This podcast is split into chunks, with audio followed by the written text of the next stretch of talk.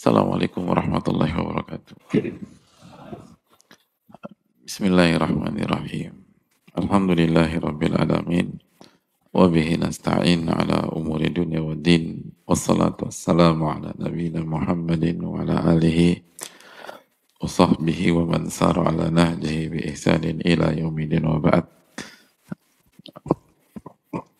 يا أيها الذين آمنوا اتقوا الله حق تقاته ولا تموتن إلا وأنتم مسلمون يا أيها الناس اتقوا ربكم الذي خلقكم من نفس واحدة وخلق منها زوجها وبث منهما رجالا كثيرا ونساء واتقوا الله الذي تساءلون به والأرحام إن الله كان عليكم رقيبا يا أيها الذين آمنوا اتقوا الله يا أيها الذين آمنوا اتقوا الله وقولوا قولا سديدا يصلح لكم أعمالكم ويغفر لكم ذنوبكم ومن يطع الله ورسوله فقد فاز فوزا عظيما Hadirin yang Allah muliakan, Alhamdulillah kita panjatkan puji dan syukur kita kepada Allah Tabaraka wa Ta'ala atas segala nikmat dan karunia yang Allah berikan kepada kita.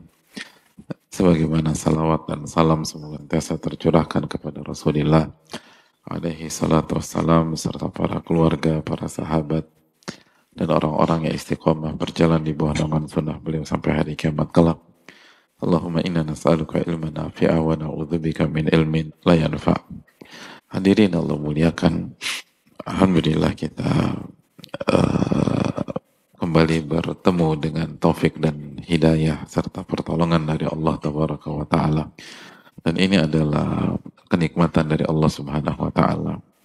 Karena kebersamaan secara hati itu tidak bisa di dibeli dengan uang. Ketika kita bisa berkumpul di sebuah tempat yang mulia seperti rumah dari rumah-rumah Allah Subhanahu wa taala tanpa ada iming-iming materi, tanpa ada uh, tawaran harta di sana, maka itu adalah kenikmatan yang Allah berikan kepada kita. Seringkali kita lupa apa yang Allah firmankan dalam surat Al-Anfal ayat 63 ketika Allah berfirman wa allafa baina qulubihim dan Allah satukan hati-hati mereka. Lalu Allah kata law anfaqta ma fil ardi jami'a ma allafta baina qulubihim walakin Allah allafa bainahum. Kalau engkau wahai Muhammad menginfakkan seluruh yang ada di bumi untuk menyatukan hati-hati mereka, engkau tidak akan berhasil melakukannya. Ma'allaf ta'bayna qulubihim. Gak akan berhasil. Walakin Allah allafa bainahum. Tapi Allah yang mensatukan hati manusia. Innahu azizun hakim. Allah yang maha perkasa lagi maha bijaksana. Makanya para ulama klasik dulu kalau hadirin melihat tafsir-tafsir klasik seperti At-Tobari dan lain sebagainya, mereka itu memandang kita bisa salaman dengan lepas itu tuh mewah hadirin. Itu nikmat yang mewah. Kita bisa mengucapkan salam lalu salaman tanpa ada perasaan dengki, hasad, benci, ada kepentingan. Itu hal yang mewah. Salaman aja. Apalagi ngumpul satu masjid kayak begini. Salaman dua orang salaman. Dan itu berpapasan gitu. Bukan sengaja ketemu misalnya secara umum tapi berpapasan terus salaman itu bagi mereka kenikmatan yang sangat mahal.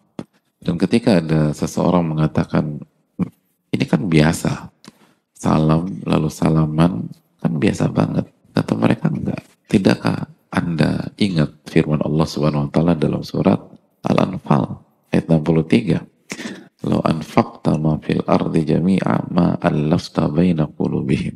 Kalau Anda membayar manusia dengan seluruh yang ada di bumi ini.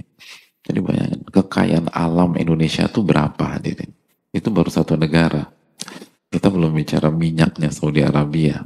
Kita belum bicara kekayaan alam negara-negara yang lain. Itu kalau semua digabung, tujuannya mempersatukan hati manusia nggak akan berhasil kata Allah. Nggak akan bisa. Akan bisa. Walakin Allah Allah bainahum. Allah yang menyatukan. Allah yang menyatukan. Nggak akan bisa. Mungkin kita bisa beli tubuh manusia dengan uang. Tapi hati nggak bisa diri. Hati itu tidak bisa. Hati itu hanya Allah yang menyatukan. Hati itu hanya Allah yang menyatukan. Itu. Ada yang bilang itu kekayaan alam Indonesia itu bisa mencapai 200 ribu T. 200 ribu T. Pernah lihat nggak waktu gitu? Itu Indonesia bisa sampai 200 ribu T. Tapi dan Allah mengatakan lo anfaqta ma fil ardi jami'a. Kalau engkau menginfakkan seluruh yang ada di bumi, nggak bisa satu. Nah, itu mahal hadirin. Itulah mengapa kenapa banyak pasangan itu pada saat menikah itu saling mencintai. Setelah lima tahun bersama benci hadir. Bisa begitu tuh. Benci. Benci. Pada saat nggak ketemu tiap hari gitu loh. Ketika ketemunya cuma seminggu sekali gitu loh. Curi-curi pandang di kajian misalnya suka tuh gue suka nih sama dia nih. eh begitu tinggal serumah tiap hari ketemu enak gue sama dia. Bisa begitu? Harusnya kan kalau seminggu sekali suka setiap hari bucin hadirin. Kira-kira. Ini kan udah ngerti gue kesukaannya. Tapi memang luar biasa. Yang nyatukan hati itu Allah taala. Makanya jangan pernah meremehkan. Itu misteri hadirin. Gak bisa kita satukan Abu Talib tuh kurang apa hadirin? Tapi nggak bisa dengan Nabi SAW di atas iman tuh nggak bisa. Siapa yang bawa kucing ke sini? Kejebak lagi ya nggak? Iya, kejebak lagi ya. Anak Allah. Semoga Allah tolong. Iya, waktu itu kan berhasil kan, kita bisa berada dengan izin Allah berhasil dikeluarkan sama teman-teman. Itu kucing yang sama. Lu serius? Baik, ya. Insya Allah nanti kita coba lagi, Insya Allah. Suruh sabar dulu. Ya, Jamaah sekali memuliakan. Jadi pertanyaannya simpel. Sudahkah kita bersyukur kepada Allah? Gitu lah. Tentu kita bisa hadir di kajian ini. Sudahkah kita bersyukur kepada Allah dari angle ini? Jadi bayangin datang ke kajian tuh angle nikmatnya tuh banyak loh. Jadi bukan hanya ilmu aja. Ilmu jelas. Tapi sisi-sisi lain sudah Anda lihat belum? Terus Ketika Allah kasih kita perasaan kepada pasangan kita, sudahkah kita bersyukur kepada Allah? Kadang-kadang kita lupa gitu loh. Kita tuh sering kali baru ke Allahnya ketika ada masalah. Dan sering kali masalah itu datang karena kita lupa bersyukur ketika nggak ada masalah. Dan kita lupa bahwa yang menyatukan hati kita dengan istri kita, yang menyatukan hati kita dengan suami kita itu Allah Ta'ala. Yang menyatukan hati kita dengan anak kita, atau kita dengan orang tua kita adalah Allah ta'ala. Karena banyak anak tuh benci sama orang tuanya. Padahal dia tahu nggak nggak kalaupun orang tuanya salah nggak pantas dia benci seperti itu. Tahu dia susah tapi. Oleh karena itu ini hal yang sangat mahal lah hadirin yang perlu kita renungkan. Dan ini menunjukkan bahwa atau ini salah satu yang menentukan kualitas kita mengenal Rob kita apa tidak kita mengenal Allah sejauh mana. Dan kalau kita benar-benar mengenal Allah tabaraka wa ta'ala, kita akan mensyukuri ketika kita punya hubungan yang baik dengan orang-orang soleh. Dengan sampai semua sudah berakhir, baru kita sadar. Udah lepas semua. Kenapa? Karena kita lupa bersyukur. Dan ini yang perlu disampaikan. Makanya hati itu Allah wa ta'ala. Semoga kita menjadi hamba-hamba yang pandai bersyukur. Amin. Ya Rabbal Alamin. Sebagaimana dikatakan oleh Abu Hanifah bahwa saya mendapatkan ilmu itu dengan bertahmid dan bersyukur. Ulama itu dapat ilmu yang bermanfaat itu bukan sebatas karena kecerdasan, tapi karena menjadi pribadi yang pandai bersyukur. Hubungannya apa? Ini, ini menunjukkan kita kenal apa enggak sama Allah. Kalau orang yang kenal sama Allah, dia tahu Allah berfirman dalam surat Ibrahim ayat 7 la in syakartum lazidannakum kalau kalian bersyukur aku akan tambah nikmat tersebut wala in kafartum inna adzabi lasyadid kalau kalian kufur azabku sangat pedih. Kalau kita pindah bersyukur maka Allah akan kasih kita ilmu yang bermanfaat. Lebih lebih dan lebih lagi. Kalau enggak azabku sangat pedih. Semoga kita menjadi hamba-hamba yang pandai bersyukur dan semoga Allah mengampuni kekhilafan kita dalam dalam bab syukur ini. Amin ya rabbal alamin.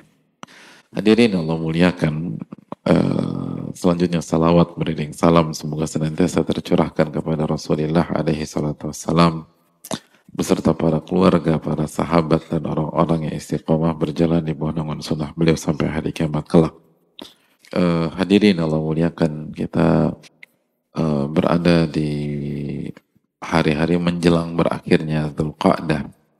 Di fase terakhir Dzulqa'dah sebelum kita akan memasuki uh, prime time-nya uh, bulan-bulan haram ini yaitu 10 hari pertama di bulan Zulhijjah. Maka hendaknya kita uh, persiapkan diri kita. Karena hari-hari ini terlalu sayang untuk dilewatkan.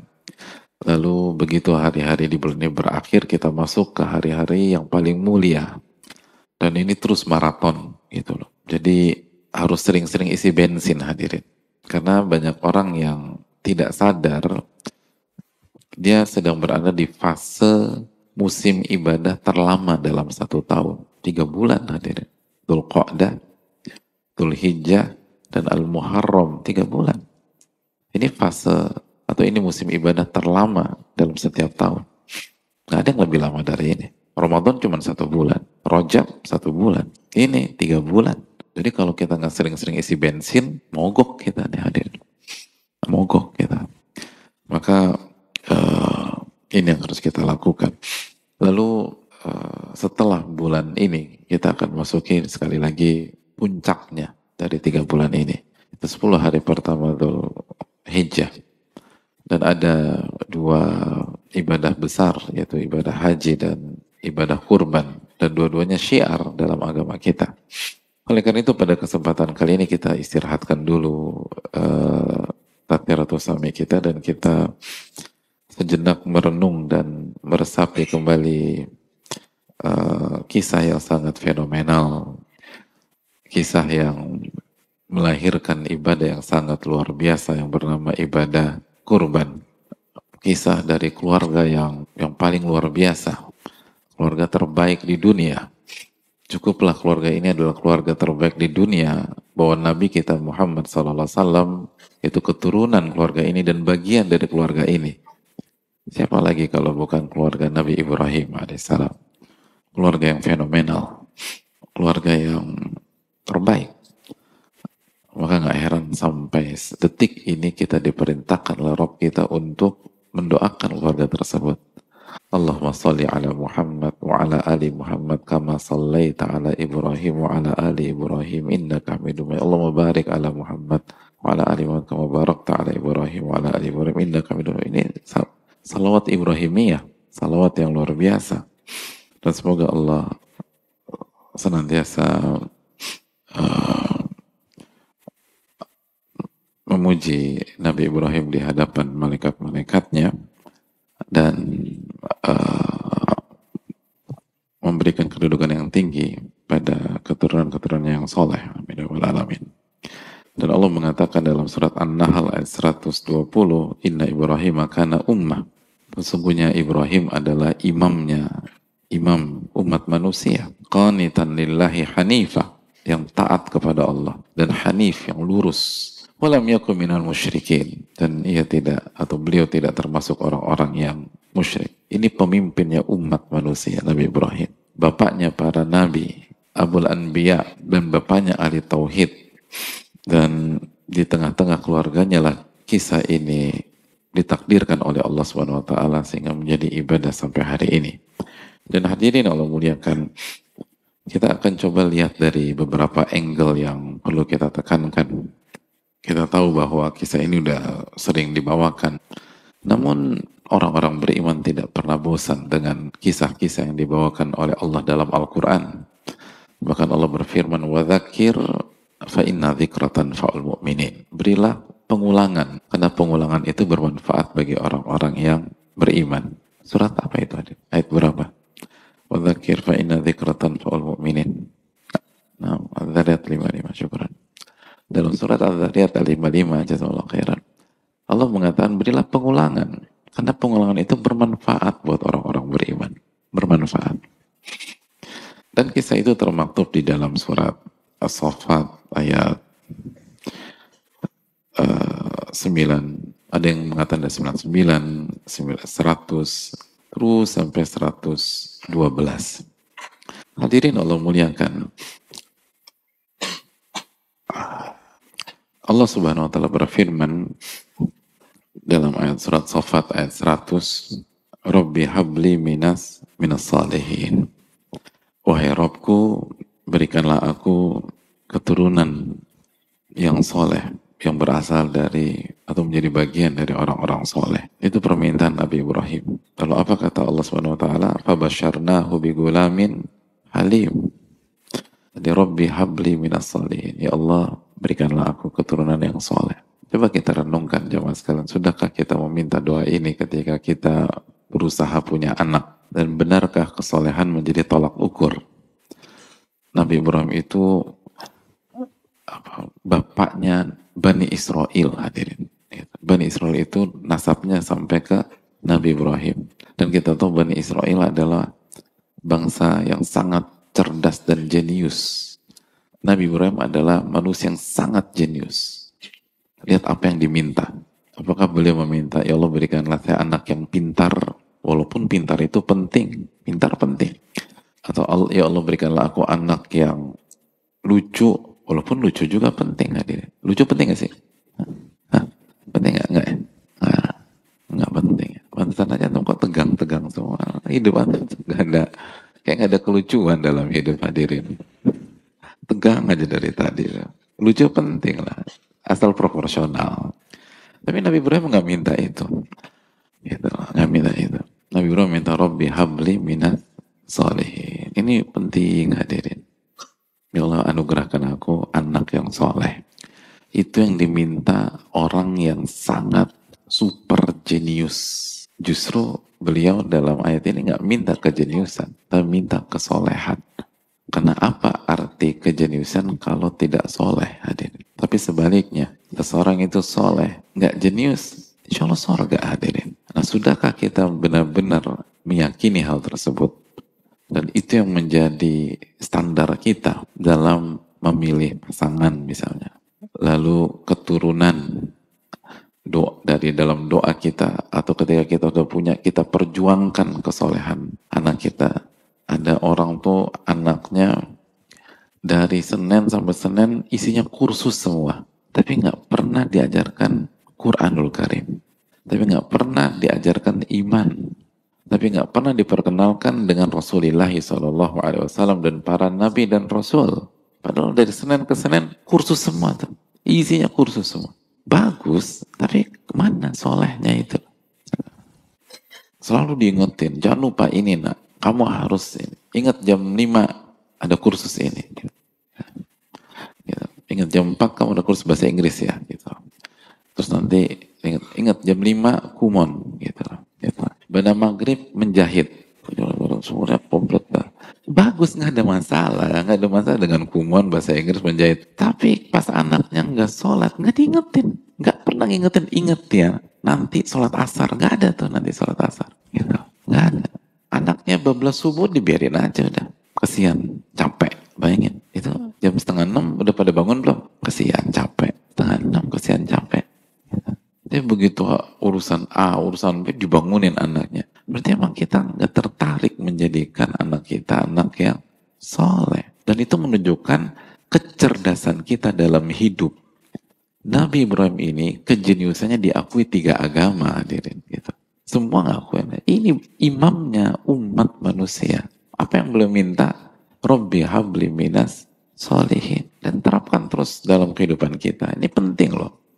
Jadi jangan sampai kita apa ibadah kurban setiap tahun tapi nggak ngerti asal mula kisahnya dan apa pesan-pesannya. Jadi walaupun setiap tahun kurban nggak ada perubahan juga dalam hidup kita. Nggak ngerti apa yang harus ditekankan dalam hidup, nggak ngerti apa yang harus dikejar dalam hidup. Ini poin. Itu anak, belum teman pergaulan. Benarkah sahabat-sahabat kita orang-orang soleh? Itu poin. Itu yang diminta Nabi Ibrahim. Kita lanjutkan. Fabasyarnahu bigulamin halim. Maka kami beri kabar gembira dengan seorang anak yang apa hadirin? Hmm? Yang apa? Hah? Yang apa? Yang soleh. Kan mintanya soleh, udah soleh aja artinya deh. Hah? Apa halim itu? Fabasyarnahu bigulamin halim. Maka kami berikan beliau kabar gembira dengan seorang anak yang halim. Halim itu memiliki sifat hilm. Halim orangnya, sifatnya hilm. Jelas ya? Bulat Pak Ustadz, bingung aku lah. Halim, hilm. Halim apa itu hilm Pak Ustadz? Aduh. Dijelaskan sebagian para ulama, hilm itu adalah ismun yajma'u asalatar ra'yi wa makarimal akhlaki wa rahmata bil makhluki. Gitu. gitu. Dalam tahrir tanwir. Hilm itu adalah sebuah sifat yang menggabungkan beberapa unsur. Asalatar ra'i. Yang pertama itu pemikiran yang jernih gitu. pemikiran yang jernih. Jadi sudut pandang yang jernih yang tajam. Punya ide-ide yang bagus. Gagasan yang original gitu. Original. Nah, itu itu hilm dan tajam matang gitu lah. Cara berpikirnya itu apa jauh dalam matang dan asolah gitu. Ada sisi originalitasnya gitu. terus dan akhlak yang mulia maka rimal akhlak. Terus rahmah bil makhluk. Punya kasih sayang ke makhluk gitu. Nah ini hadirin dan ini yang diangkat. Ini penting loh. Kalau kita ingin tahu anak terus gimana sih Pak Ustadz? Nah ini kalau anak yang paling top ya begini. Gimana caranya anak kita punya sudut pandang yang tajam, jernih, kreatif, punya ide-ide yang original, lalu visi, apa punya visi uh, tajam ke depan dan gak ngawur, matang gitu, matang dan punya asola, punya dasar pijakan ilmiah yang yang kuat gitu. Nggak keluar dari Al-Quranul Karim dan Sunnah Nabi Sallallahu Wasallam. Dengan pemahaman yang benar pemahamannya Nabi SAW dan para sahabat. Cara berpikirnya tuh apa pondasinya kuat punya dibangun di atas uh, dasar ilmiah idenya banyak kreatif ke depan. Ah itu tuh. Terus akhlaknya baik nggak belagu nggak petatang petenteng nggak jembelin nggak arogan nggak sombong tawadu gitu terus bakalnya baik Terus rahmah ke makhluk. Nah itu. Sayang sama orang. Gitu loh. Kalau dia, dan mulai dari keluarga, sayang sama kakaknya, sayang sama adiknya, sayang sama yang lain. Nah itu. Nah ini. Fabasyarnahu min halim. Yeah. Apa kata para ulama? Mana'atallahu al-anbiya'a bi aqalli mimma na'atahum bil hilm. Tidaklah Allah memberikan sifat kepada para nabinya bi aqalli mimma na'atahu bil hilm. Lebih rendah daripada apa yang Allah berikan dari hilm. Maksudnya ini udah standar gitu. Standarnya para nabi dan rasul ah, ini. Hilm itu udah standar, standar dasar. Seluruh para nabi dan rasul ah, punya sifat ini. Hilm. Punya sifat hilm. Jadi kerangka ber, paradigma berpikir yang tajam, yang ilmiah, berdasarkan dengan dalil, berdasarkan kitab suci masing-masing, lalu e, melahirkan gagasan dan ide yang bagus sekali. Ah, itu penting. Nah ini pelajaran bagi kita-kita nih, gitu loh. Yang mengaku dan berusaha mengikuti sunnah Rasul Sallallahu Alaihi Wasallam. Khususnya setelah hijrah. Ah, sudahkah kita memiliki sifat ini? Karena ini sifat dimiliki oleh semua para nabi kata para ulama. Semua para punya ini. Dan dijelaskan secara tegas ketika Allah berfirman tentang tentang Nabi Ismail. Dan sifat ini yang akan, yang menjadi salah satu penyebab dan alasan mengapa atau kok bisa Nabi Ismail merespon seajaib itu kepada bapaknya alaihi wassalam. Ketika bapaknya mengatakan, ini arafil manami anni azbahuka. Setelah ini kita bahas. Wahai anakku, aku bermimpi aku menyembelihmu. Ini kan responnya kan benar-benar mind blowing, benar-benar di luar prediksi. Kenapa? Anak atau beliau memiliki sifat al-hilam. Hilam. Kembali lagi ke kita agar ini jangan menerawang ke jangan hanya se seperti apa uh, hayalan di luar sana. Tanya diri kita nih, kita udah ber, udah ber, bertobat atau berusaha berubah udah berapa lama. Nah semenjak start hijrah misalnya sampai detik ini atau apa berusaha berubah berhijrah udah berapa lama? Berapa? Berapa? Berapa? 35 tahun. Berarti itu usia berapa ya? Ya muka-mukanya dong aja muda ya. Ternyata pada tua-tua. 35 berarti mungkin 40-an ya. 60. Nah pertanyaannya itu tadi. Udah kita udah udah sejauh mana punya cara berpikir kritis. Punya visi dalam hidup. Punya kreativitas. Punya kematangan berpikir. Betul butuh proses. Tapi harusnya ada kemajuan dong dari awal pertama kali kita belajar gitu terus akan tumbuh. Tentu saja mungkin sekarang belum di puncak kita. Kita masih banyak yang muda-muda.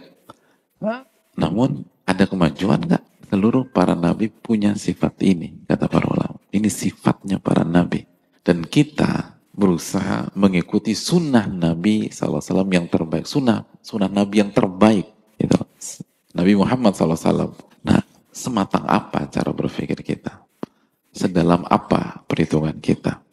Setenang apa kita melihat sebuah masalah? Dan bagaimana akhlak kita? Bagaimana akhlak kita? Dan sesayang apa kita dengan makhluk-makhluk Allah subhanahu wa ta'ala? Apakah justru kita menjadi pribadi yang arogan, gitu, yang merendahkan orang lain, dan menganggap orang lain rendah yang yang nggak satu misalnya nggak sepengaja kita di benar-benar dijatuhkan atau kita punya sifat rahmah sifat ramah sifat kasih sayang dengan makhluk-makhluk Allah Subhanahu Wa Taala ini halim dan ini kisah yang selalu diangkat setiap tahun pada saat Idul Adha tapi sejauh mana kita meresapi kisah itu Insya Allah kita lanjutkan. Wassalamualaikum warahmatullahi wabarakatuh. Assalamualaikum warahmatullahi wabarakatuh. Bismillahirrahmanirrahim. Alhamdulillahi rabbil alamin wa bihi nasta'in ala umuri dunia wal din wassalatu wassalamu ala asyrafil anbiya wal mursalin wa ala alihi wa sahbihi wa man sara ala nahjihi bi ihsanin ila yaumidin wa ba'd. Allahumma salli wa sallim wa barik wa an'im ala nabiyina Muhammadin wa ala alihi wa sahbihi ajma'in wa ba'd. Uh, hadirin Allah muliakan kembali bersama keluarga Nabi Ibrahim alaihi wassalam dan uh, kembali bersama firman Allah fabasyarnahu bi gulamin halim. Maka kami berikan kabar gembira kepada Ibrahim dengan uh, lahirnya atau uh, adanya anak yang halim. Dan halim sudah kita jelaskan uh, sebuah sifat yang menggabungkan beberapa unsur asalat ra'i wa makarimil akhlak wa rahmah lil makhluk. Dan ini PR kita hadirin sekalian yang mulia karena ini adalah uh, sifat standarnya para nabi dan rasul. Maka orang-orang beriman yang berusaha mengikuti Nabi alaihi salatu wassalam harus berupaya memiliki tiga sifat ini. Uh, asalatul ra'i punya pandangan yang kokoh uh, ilmiah dalam matang jauh ke depan kreatif inovatif uh, dan punya sisi keotentikan originalitas yang kuat di bidangnya masing-masing dan di waktu yang sama punya akhlak yang baik dan rahmah lil makhlukin dan sayang sama makhluk-makhluk Allah Subhanahu wa taala. Jadi coba bayangkan kalau orang-orang yang ngaji punya tiga sifat ini betapa indahnya agama kita di tengah-tengah masyarakat. Skillful tapi di, di waktu yang sama punya adab punya akhlak dan pengennya tuh nyebar kebaikan aja sama orang gitu. Sayangnya sama orang gitu loh.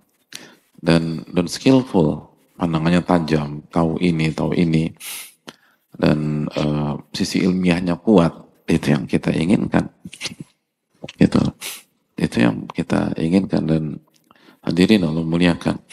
Dan jangan sampai kita jadi fitnah di masyarakat. Dan sampai kita uh, dalam arti uh, dari satu sisi meng, meng uh, menyuarakan sunnah Nabi SAW, tapi di sisi yang lain kita tidak mencerminkan sifat-sifat mulia yang dimiliki oleh Rasulullah SAW. Kita nggak punya skill sama sekali pandangannya pendek dan gak berusaha untuk menajamkan pandangan tersebut. nggak menanjamkan eh, tidak berusaha untuk punya skill dalam sesuatu bidang. Nggak nggak punya upaya untuk eh, memiliki paradigma berpikir yang ilmiah. Nggak berusaha untuk eh, menambah wawasan dan menambah eh, pemahaman yang dalam dan eh, pandangan yang tajam. Terus yang kedua kita nggak punya akhlak gitu, di masyarakat kalau ngomong kotor kalau kasar arogan, terus suka ngomongin orang, gitu uh, hasad di antara kita, lalu eh, nggak uh, bagus kalau mau amalat mengecewakan, tidak sesuai dengan akad, lalu mungkin ada bohong, hutang nggak bayar, kalau dikasih amanat khianat, lalu gimana? Tapi nggak, tapi kalau bicara sunnah Nabi SAW, memang sunnah Nabi itu ya. Lalu nggak sayang sama orang gitu loh inginnya ngejatuhin orang, mentalnya itu memandang orang tuh rendah di bawah dia, dia lebih bertakwa dan senang dengan kejatuhan orang, nggak pengen ngebantu dan seterusnya.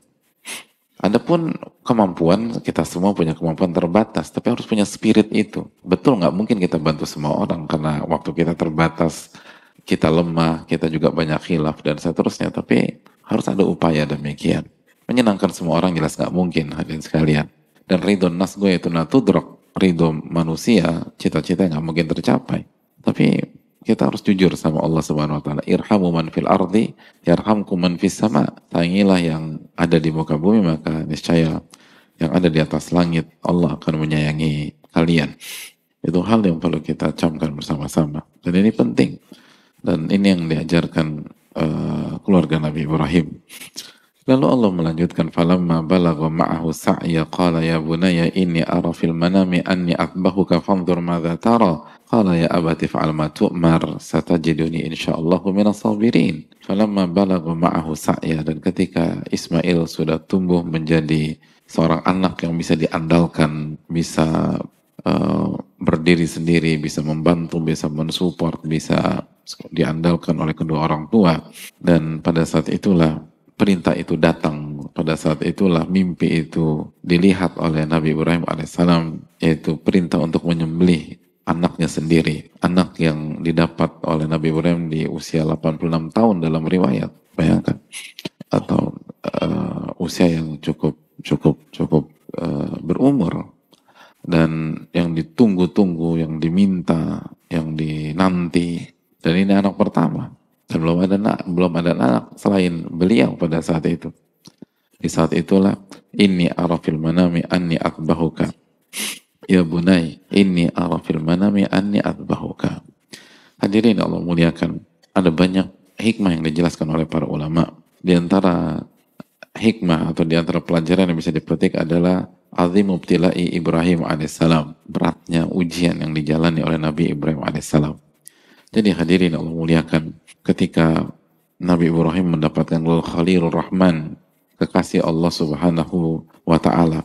Ketika Nabi Nabi Ibrahim alaihissalam dinamakan umat oleh Allah Subhanahu wa taala sebagaimana tadi surat An-Nahl ayat 103 An-Nahl ayat 120 Inna Ibrahim kana ummah Nabi Ibrahim adalah imamnya umat lalu dipuji dengan Hanif dipuji dengan Qanita itu bukan bukan gelar yang bisa dibeli dengan uang hadirin sekalian. Bukan gelar dari keturunan, bukan ngandelin bapak saya atau keluarga besar saya. Ini proses yang luar biasa dan ujian yang sangat sangat pelik, sangat berat, sangat uh, sulit dan ujian yang nggak pernah dibayangkan sebelumnya. Bayangkan disuruh menyembelih anak. Dan itulah para anbiya, asyadun nasi balaan al anbiya, kata Nabi SAW. Bahwa manusia yang paling berat ujiannya adalah para nabi thumma salihin, lalu orang-orang soleh, thumma al-amthal fal amthal, lalu yang berikutnya, lalu berikutnya. Oleh karena itu, uh, bergembiralah bagi orang yang uh, sedang mendapatkan ujian dari Allah Subhanahu wa taala tanpa ia minta, tanpa ia harapkan. Selalu minta ampunan, selalu minta uh, kemudahan, selalu minta al-afwa wal afiyah. Tapi ketika kita diuji di atas kita berada di atas al-haq, saat kita mendapatkan musibah, ketika kita menjaga uh, iman kita, menjaga ilmu kita, menjaga lingkungan kita, maka itu adalah tanda kebaikan. Kata Nabi SAW, yubtalal maru ala hasabi dini. Seseorang itu diuji sesuai dengan kadar agamanya. diuji di atas agamanya atau sesuai dengan standar agamanya. Kalau agamanya kuat, maka ujiannya pun juga berat. Kalau kualitas agamanya ringan, maka ujiannya pun ringan. Sebagaimana ujian anak kelas 6 SD, semua sepakat lebih pelik daripada ujian kelas 1 SD. Kenapa demikian? Karena level anak itu berbeda. Maka hadirin Allah muliakan ketika kita lagi diuji, ketika ada masalah, ingatlah Nabi Ibrahim diuji dengan ujian yang tidak pernah dibayangkan sebelumnya. Ujian yang sangat pelik, ujian sangat berat, ujian yang sangat uh, memukul seorang uh, ayah. Kata sebagian para ulama, ujian ini diberikan kepada sosok ayah yang paling sayang kepada anaknya gitu.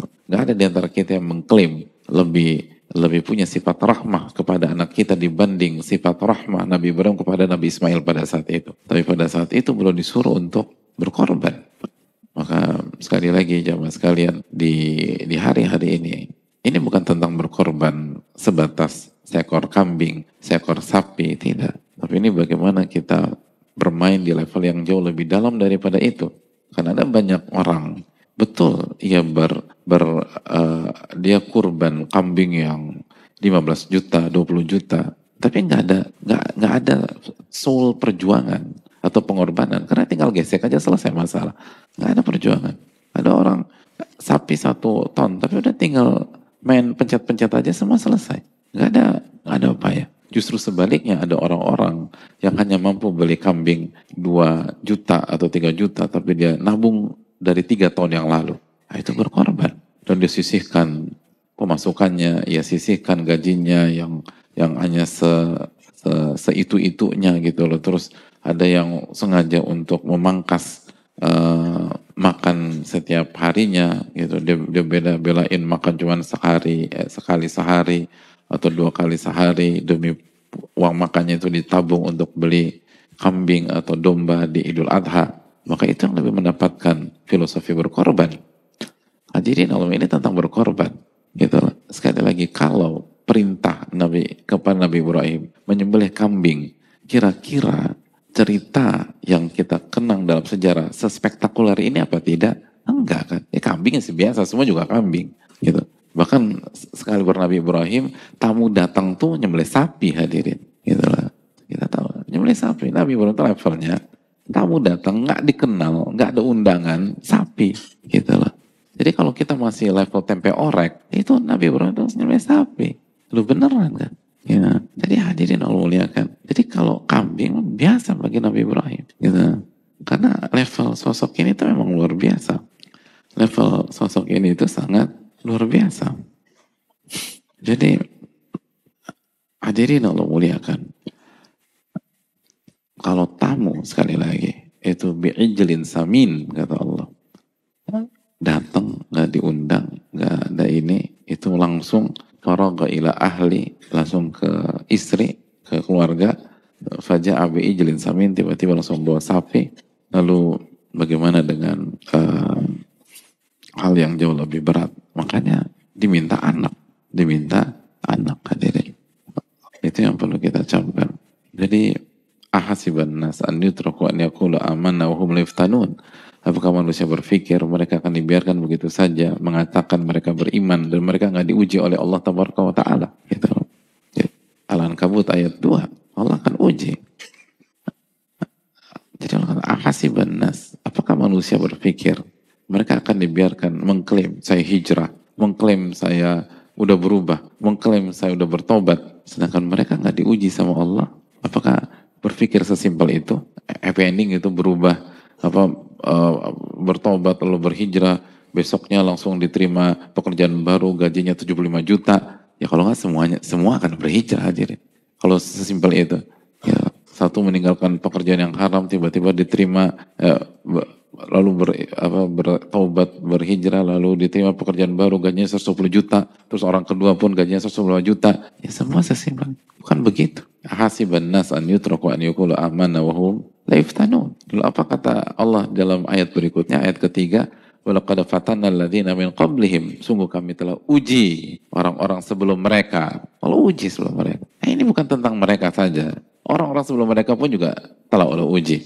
Fala ya'lamanna Allahu alladziina sadaqu. Maka Allah jelas-jelas melihat siapa yang jujur. Wala ya'laman al-kadhibin. Dan Allah akan lihat siapa yang berbohong. Siapa yang jujur, siapa yang berbohong. Maka harus diuji. Ujian itu menyingkap. Gitu. Siapa yang jujur, siapa yang berbohong. Ujian itu menyingkap. Makanya sekali lagi, banyak orang mengatakan uang itu merubah seseorang. Dan itu tanpa mengurangi rasa hormat perlu ditinjau lagi. Uang bukan merubah, uang itu menyingkap. Gitu. Siapa yang jujur, siapa yang bohong. Semua demikian. Karena ujian itu bukan merubah. Ujian itu filosofinya menyingkap gitu loh. Hadirin ujian kimia, emang merubah? Enggak, gitu loh. Menyingkap. Oh ternyata selama ini nggak belajar kita, itu menyingkap. Ujian tuh filosofinya bukan merubah. Ujian tuh filosofinya menyingkap. Gitu. Jadi Allah akan menguji sehingga siapa yang jujur, siapa yang bohong. Siapa yang jujur, siapa yang bohong. Siapa yang jujur, siapa yang bohong. Itu yang perlu kita camkan bersama-sama. Pelajaran yang lain, ini juga menarik. Ada banyak sekali pelajaran dari ayat ini. Di antara pelajaran yang penting buat kita sebelum kita uh, uh, masuk ke poin al jaza min jinsil amal. Al jaza min jinsil amal. Balasan itu tergantung jenis perbuatan lihat bagaimana bagaimana respon Nabi Ismail alaihissalam. Ya abatif al ma tu'mar. ya wahai ayahanda lakukan apa yang Allah perintahkan kepada engkau. Satajaduni insyaallahu minas sobirin. Insya Allah engkau akan dapatkan aku termasuk orang yang sabar. Kata sebagian para ulama, respon yang diberikan taufik oleh Allah Subhanahu wa taala atau te, respon yang muafak yang yang sesuai dengan taufik atau yang diberikan taufik oleh Allah kepada Ismail alaihissalam itu nggak bisa dilepaskan dari bakti Nabi Ibrahim ke orang tua beliau. Maka balasan berbakti dibaktikan sama anak. Balasan berbuat baik disikapi dengan baik. Dan kita tahu bagaimana Nabi Ibrahim berbakti kepada orang tua. Didoakan, didoakan. Ibrahim ayat Rabbana firli wali walidayya walil mu'minina yawma yaqumul hisab itu kan doa Nabi Ibrahim dalam surat Ibrahim ayat 41. Rabbana gfirli wali walidai.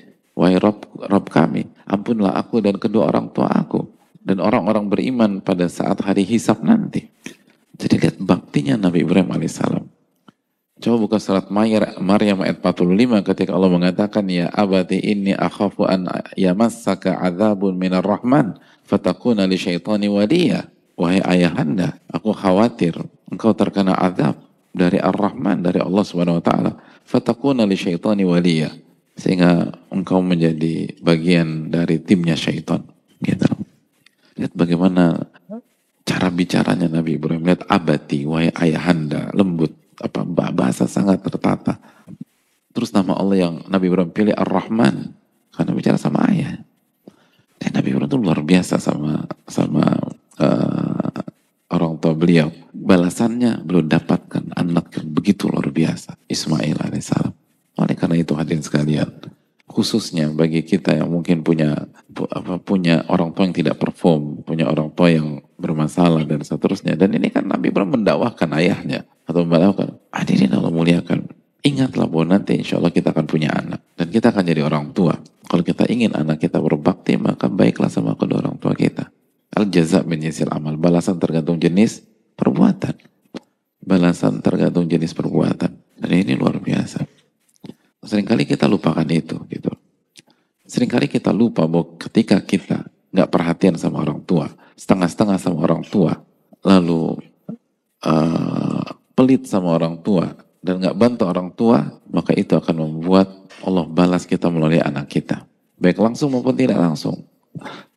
Secara secara jiwa Allah yang memulak-balikan hati anak kita. Itu secara intangible. Secara tangible, secara kasat mata, kan ngeliat bahwa orang tuanya pelit sama kakeknya. Anak kita kan ngeliat bahwa ayah ibunya itu nggak perhatian sama kakek neneknya. Orang tua kita ngeliat ayah ibunya hitung-hitungan sama kakek nenek. Aku oh jadi gini cara nyakuin orang tua. Ya udah nanti dia pelit juga sama kita. Dan itu kesalahan fatal. Lihat bagaimana Nabi Ibrahim alaihissalam. Ini nggak bisa dipisahkan kata sebagian ulama dengan iman Nabi Ibrahim kepada Allah ta'ala, lalu baktinya kepada kedua orang tua. Ini penting. Yang pertama iman kepada Allah, lalu yang kedua bakti kepada Allah. iman kepada Allah, eh fadilah ya fatka, jagalah hak Allah, insya Allah akan jaga anda dan keluarga anda. Lalu bakti kepada orang tua al jaza min jinsil amal balasan tergantung jenis perbuatan. Karena sering berbuat baik dan mendoakan orang tua Rabbana firli wali walidai maka dia mendapatkan anak ya abatif al matu'mar wa ayahanda lakukan apa yang Allah perintahkan kepada engkau. Lalu hadirin Allah muliakan. Di momen seperti ini, sebagai para ulama juga menjelaskan salah satu hikmah yang bisa dipetik dari ayat ini. Lihat bagaimana adanya komunikasi yang begitu luar biasa antara ayah dan anak. Bayangkan, bicara dulu ke anak. Ya bunaya ini arafil manami anni adbahuka madha tara. Nah, aku uh, bermimpi, aku diperintahkan menyembelihmu. Anni adbahuka. Ya bunai, ini arafil manami anni adbahuka. Aku diperintahkan menyembelih. Bagaimana menurut engkau? Kata para ulama, sebagian para sebagian para ahli ilmu, kata mereka bahwa Nabi Ibrahim mempertunjukkan kepada kita bagaimana komunikasi dua peran yang dilakukan oleh Nabi Ibrahim ke Ismail alaihi wasallam. Yang pertama dari sisi ayah ke anak dan yang kedua ada sisi antara sahabat. Jadi bagaimana ini bisa mempertunjukkan bahwa kedekatan orang tua dengan dengan anak bukan hanya kedekatan gap yang sangat yang yang yang harus dihorm yang harus dihormati dan dihargai, tapi bisa masuk ke sisi terdalam jiwa seorang anak sebagaimana teman dengan teman gitu loh. Sebagaimana sahabat dengan sahabat dan itu luar biasa. Dan ini kalau tidak dibangun dari awal tidak akan bisa efektif di hal-hal sensitif seperti ini gitu loh. Gitu. Luar biasa hadirin sekalian. Makanya banyak banyak orang tua merasa sedih anaknya nggak nggak nggak nggak dekat, nggak merespon segala macam. Tapi dia lupa bahwa pola inilah yang dibangun selama ini, gitu loh. Jadi dia yang membangun pola tidak ada kedekatan antara orang tua dengan anak. Dia yang bangun pola tidak ada komunikasi antara orang tua dan anak. Nah begitu itu sudah dibangun selama puluhan tahun gitu. Karena nggak punya waktu sama anak nggak punya waktu untuk ngobrol sama anak bahkan nggak pernah atau jarang ada di rumah untuk anak lalu nggak pernah ada ketika weekend buat anak dan lalu begitu udah tua dan seharusnya dia berharap anaknya bisa ngobrol lancar dengan dia lalu dibandingkan kok kamu tuh sama temen? Apa lancar tapi sama papamu sendiri nggak bisa. Dia lupa bahwa dia nggak bangun pola itu. Ini sama saja selama ini anak dibawa ke jalur utara tiba-tiba ketika besar diajak bermain dengan jalur selatan, ya nggak bisa. Kecuali yang dirahmati sama Allah, tapi secara umum sangat sulit bagi anak. Nah sering kali kan di masyarakat kita hanya menyalahkan si anak aja. Jadi kita lupa episode pertama, kedua, ketiga, keempat, lalu kita ambil episode ke-50 di mana anak kurang komunikasi dengan orang tua. Ini bukan berarti membela para anak gitu loh. Dan antum sebagai anak-anak yang sebenarnya jangan merasa kegeeran saya bela, tenang aja. Enggak, saya enggak, enggak ada niat memihak antum terus melawan orang tua, terus kita durhaka bareng-bareng. Loh enggak. Tapi ingatlah apa yang katakan Ibnu Qayyim rahimahullah ketika beliau mengatakan bahwa mayoritas anak durhaka itu karena orang tua. Sebagaimana anak tidak bisa menjadikan ketidakperformannya orang tua sebagai alasan durhaka. Sama-sama nggak bisa. Kan orang anak sudah dapat hidayah, anak harus belajar, anak harus berubah, anak anak harus memotong mata rantai tersebut. Tapi berilah waktu buat anak gitu. Jangan gampang men, apa menjudgment anak, sedangkan dia udah berusaha dan dia berusaha karena susah merubah pola seperti itu. Nabi Ibrahim mendapatkan ini itu luar biasa dia dengan komunikasi yang beliau bangun. Kita lupa mengkomunikasikan. Maka Idul Adha harusnya momentum kekeluargaan, momentum kebersamaan, momentum komunikasi di antara ayah dan anak atau ibu dan anak atau orang tua dengan anak. Ini bukan hanya beli kambing selesai, lalu tahun depan kita beli kambing lagi selesai, lalu tahun kemudian beli kambing selesai. Coba lihat rangkaian cerita tersebut. Bagaimana begitu epiknya Allah Subhanahu wa taala menjelaskan itu kepada kita. Ada dialog, ada diskusi, ada segala macam. Bahkan Jangan jangankan kita di, hung kita beli kambing aja nggak diskusi sama orang tua gitu. Orang tua ini ini belum belum ngorbanin anak ya. Apa kambing aja kita kadang-kadang kita nggak ngobrol sama anak kita. Gitu. Beli kambing atau beli sapi nggak ada bicara sama anak. Sehingga anak nggak merasa dilibatkan. Sehingga anak nggak merasa berkorban gitu. Ya karena main beli-beli aja. Nggak menjadikan Idul Adha itu event keluarga gitu loh jamaah. Ya, yang, yang seru gitu loh. Kita sering kali berpikir event keluarga itu ke puncak, ke Anyer, ke villa, ke cottage, ke ini ke mana? Event keluarga Idul Adha itu mana? Gitu. Habis habis Idul habis sholat Idul itu udah ya, habis sholat Idul Fitri udah pulang ke rumah satu ke sana, satu ke kamar, satu segala segala macam tinggal nunggu sore apa namanya dapat uh, apa daging gitu loh Terus itu pun juga ketika diajak makan, aku sibuk mah, makasih gitu loh. Udah, udah gitu aja. Gak ada event keluarga. Kenapa itu gak dibangun? Ini ini PR orang tua. Ini PR orang tua aja mas kan. Jadi ini penting yang perlu kita tanamkan bersama-sama. Gimana orang keluarga kita bisa solid menghadapi badai-badai besar, sedangkan kita tidak latihan membangunnya, mumpung badainya belum besar. Begitu kita nggak pernah melakukan konsolidasi keluarga, nggak pernah ada komunikasi keluarga. Lalu Allah kasih badai yang besar berantakan semuanya selesai. Bahkan sering kali belum ada badai-badai saya udah berantakan. Nggak ada badai berantakan gitu. Bahkan sering kali dikasih nikmat berantakan gitu. Jadi betapa rapuhnya kita.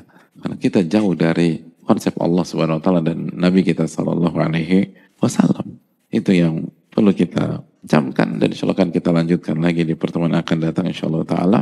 Kita buka sedikit waktu untuk sesi tanya jawab. Wassalamualaikum warahmatullahi Muhammad.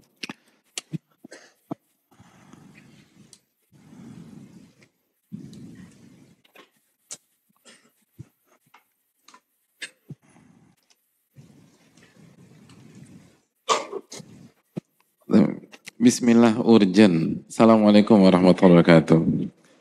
Kok antum ketawa sih? Urgen tuh harusnya kan shock terus pucat gitu loh. Ini di sini tuh ketawa bisa bisa gitu ya. Luar biasa antum ini. Assalamualaikum warahmatullahi wabarakatuh. Waalaikumsalam warahmatullahi wabarakatuh. Kita lihat apa hal urgent tersebut. Semoga Allah merahmati antum, keluarga, tim, para ulama, serta seluruh kaum muslimin dan yang hadir saat ini. Amin ya rabbal alamin. Izin bertanya Ustadz. Saya bingung Ustadz, tiba-tiba akhir-akhir ini ada saja akhwat yang dari mana saja datangnya menawarkan diri untuk menikah terhadap saya. Oh ini yang ini maksudnya urgent. Luar biasa. Dari mana saja loh. Jakarta Utara, Selatan, Jakarta Timur, Jakarta Pusat, Jakarta Barat, Bekasi, Tangerang, Depok. Wih, luar biasa ini. Siapa orang ini? Dari mana saja? Dan tujuannya satu menawarkan diri untuk menikah dengan beliau. Luar biasa. Masya Ini wali hadirin. Ya, ya wali murid gitu, wali kelas, mungkin dia guru, nggak tahu kita. Mungkin tapi bisa jadi wali Allah. Padahal sebelumnya kita tidak saling kenal dan mereka pun tidak ada koneksi dengan teman saya. Entah dari mana. Masya Allah. Memang saya selalu berdoa pada Allah untuk dimudahkan keinginan saya untuk menikah dan diberikan istri yang soleha. Namun saya bingung Ustaz terhadap penawaran para akhwat tersebut. Saya belum bisa merespon lebih lanjut tentang itu. Karena saat ini saya dalam keadaan jobless. Pengen jobless aja orang maju kepada dia. Eh, ini, ini harus dicari tahu nih siapa orang ini. Jobless loh orang maju. Gimana kalau punya ini? Dan belum dapat pekerjaan dan belum berpenghasilan tetap. Di satu sisi saya ingin menikah untuk menyempurnakan setengah agama untuk beribadah kepada Allah. Namun di sisi lainnya saya berpikir realistis karena belum ada penghasilan dan pekerjaan tetap. Tidak bermaksud meragukan kuasa dan rezeki dari Allah. Mohon nasihat dan saran Ustaz ya khair. Wassalamualaikum warahmatullahi wabarakatuh. Iya, terima kasih atas pertanyaannya. Jadi ini salah satu contoh ironi dunia dan sekalian. Iya, dan ini harapan bagi antum yang jomblo dan belum berhasil berhasil gitu. Dan uh, ditolak terus misalnya. Ini kan menunjukkan bahwa ternyata apa mendapatkan berbagai macam pintu-pintu ini pun membuat orang bingung gitu loh. Jadi yang bingung bukan hanya yang ditolak setiap saat gitu loh. Tapi sosok laki-laki yang apa yang tadi apa tadi yang mendapatkan penawaran dari ahwat dari mana saja. ini penekanan nih, bottom line ini. Dari mana saja. Ternyata nggak membuat dia bahagia juga. Nggak membuat dia tenang dalam hidup, nggak membuat dia happy, nggak membuat dia ini. Tapi justru membuat dia bingung. Sampai membuat pertanyaan dengan sebuah clue urgent gitu loh. Iya benar. Dan ini terapkan di semua hal. Ini serius loh, ini serius gitu. Terapkan di semua hal. Dan orang kan berpikir ketika kita nggak punya uang, kita pikir apa namanya kalau kita punya uang seluruh masalah kita selesai. Oh enggak, enggak demikian. Anda ketika punya uang pusing juga nanti, gitu loh. Ketika kita belum punya pekerjaan, kita berpikir, oh apa enak banget orang punya kerjaan segala. Ketika anda punya pekerjaan, anda pusing juga. Di dunia tuh begitu zaman sekalian. Tanpa bermaksud sok tahu ya, kita masih harus terus banyak belajar, masih butuh pengalaman. Tapi kira-kira demikian lah, gitu. Bayangkan wanita dari mana saja datang menurunkan diri dan kesimpulannya pusing, gitu. Harusnya kan dia bahagia. Alhamdulillah di bini mati tati musolihat, terus mulai apa langsung bu, mulai buat apa tes wawancara, lalu tes tulis, lalu habis itu tes wawancara, lalu setelah itu pilih gitu. Jadi tapi ternyata nggak demikian juga, pening ini gitu loh. Gitu loh. Jadi ya, makanya yang paling enak itu tuh apa yang Allah takdirkan buat kita sudah dan kita respon dengan tepat dengan ridho kepada Allah Subhanahu wa taala. Adapun uh, untuk beliau, untuk beliau Uh, yang pertama, jangan jadi orang yang oportunis gitu loh. Jangan jadi orang yang oportunis. Jadi setiap penawaran diambil, setiap penawaran diambil jangan. Di mana pun termasuk ini, kita itu hidup sesuai dengan kebutuhan gitu, sesuai dengan kebutuhan, bukan keinginan semata. Apa yang kita butuhkan itu yang kita pilih. Dan itulah uh, Itulah konsep pernikahan yang dijelaskan para fukoha, para ulama fikih. Sebagaimana dalam Az-Zubat dikatakan, sunnah li muhtajin mutikinil uhab, nikahu dhati dinin wa nasab. Bahwa pernikahan itu hukumnya sunnah bagi uh, orang yang butuh. Orang yang butuh dan orang yang mampu. Dan ini tentang kebutuhan. Ini tentang kebutuhan. Jadi itu yang perlu kita coba. Dan ini kan sama, artinya di, di semua di, di semua sendi kehidupan kan begitu kita, ketika kita misalnya nyari apa, nyari baju atau nyari sepatu, kita pusing ketika nggak dapat semuanya. Dan kita pun pusing ketika kita ada di sebuah outlet besar dan semuanya ada di situ. Pening kita gitu. Yang ini bagus, ini bagus, ini bagus, ini bagus, ini bagus. Jadi pening juga, bukan ternyata simpel, enggak. Nah ini kan menunjukkan bahwa yang paling ideal adalah kebutuhan dan tidak ifrat, tidak tafrid. Hidup tuh begitu gitu. Tidak berlebihan dan tidak kurang, itu aja. Dan setiap orang tuh diuji. Dan ini kan menunjukkan wanabulukum bisyari wal khairi fitnah. Kami uji mereka dengan uh, kesulitan dan kemudahan. Jadi kesulitan dan kemudahan itu fitnah gitu. Orang yang sulit diterima oleh akhwat ujian. Orang yang mudah diterima sama akhwat ujian juga ternyata. Gitu loh. Jadi sama-sama ujian, sama-sama ujian gitu. Padahal kan kalau kita dari teknis ini kurang apa nih? Apa namanya? sosok ini nih kan kurang apa? Dari mana saja? Jobless, bayangin, jobless kalau ternyata semua akhwat menurut beliau ya, semua akhwat itu datang ke saya nggak tahu juga ya. Coba kita tanya akhwat di belakang, emang semua antuna itu ke beliau gitu? Hah? Oh enggak katanya. enggak, enggak. Enggak, tapi kita percaya beliau kok, oke. Ya, itu banyak lah. Jadi sekali lagi teman jemaah sekalian Allah muliakan ingatlah ya dunia itu begitu. Jadi jangan pernah berpikir rupa tetangga lebih lebih indah daripada uh, halaman rumah kita. Semua orang diuji oleh Allah SWT dan Allah katakan kul kulun ya'malu ala syakilati. Setiap katakan setiap orang beramal sesuai dengan kondisinya masing-masing. Orang beda hadirin. Dan ini pelajaran mahal dalam kehidupan. Jazakallah khairan. Semoga bermanfaat. Subhanallah. Assalamualaikum warahmatullahi wabarakatuh. Syukur.